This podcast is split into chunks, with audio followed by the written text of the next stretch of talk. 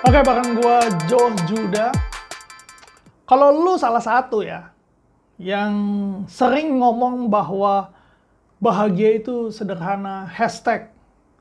Atau lu lagi makan di warteg dan kasih hashtag bahagia itu sederhana. Atau bahkan lu lagi berada di luar negeri, eh, naik sepeda road bike lu, terus lu kasih hashtag bahagia itu sederhana. Eh, gue mau bilang ya, bahagia itu nggak pernah sederhana. Gua orang yang jengkel banget kalau misalnya nemu ada orang bilang, ah bahagia itu sederhana. Karena apa? Karena bahagia itu hanya didapat oleh orang-orang yang berani, men. Dengan ngomong bahagia itu sederhana, lu lagi meremehkan perjuangan orang-orang yang sedang berusaha untuk bahagia. Lu coba ngomong bahagia itu sederhana ke orang yang kehilangan tiga anaknya. Dan anak keempatnya lagi terkapar di rumah sakit, nggak ada biaya pengobatan. Lu bisa bilang, Pak, bahagia itu sederhana. Lu ngomong bahagia ke orang yang kelaparan, yang empat hari misalnya nggak makan, atau baru kena musibah. Lu bisa bilang bahagia sederhana. Nggak bisa, men. Bahagia itu nggak sederhana, men. Namun, apakah mereka-mereka ini nggak bisa bahagia? Bisa bahagia. Namun tidak sederhana. Kalau lu milih makan capcay di warteg plus telur dadar ketika punya kemampuan makan salad di Grand Hyatt, itu bukan bahagia lu sederhana, tapi lu berani untuk memilih cukup dengan bahagia sepiring warteg. Bayangkan begini, kalau di tempat yang sama, di warteg yang sama, ketika lu lagi makan, sepiring capcay dan telur dadar itu dan di sebelah lu ada yang sedang makan. Menu yang sama harganya yang sama.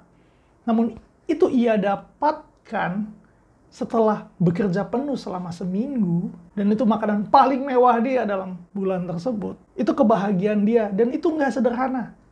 Itu seharga bekerja satu bulan. Setiap orang punya cara untuk bahagia dan itu nggak pernah sederhana.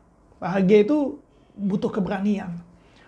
Berani untuk bilang, gue cukup segini. Berani untuk bilang, walaupun gue bisa pergi ke mana pun, namun gue cukup berada di rumah bersama keluarga. Lo memilih ada di rumah. Karena banyak orang di luar sana, berada bersama keluarga mereka di rumah, itu bukan pilihan.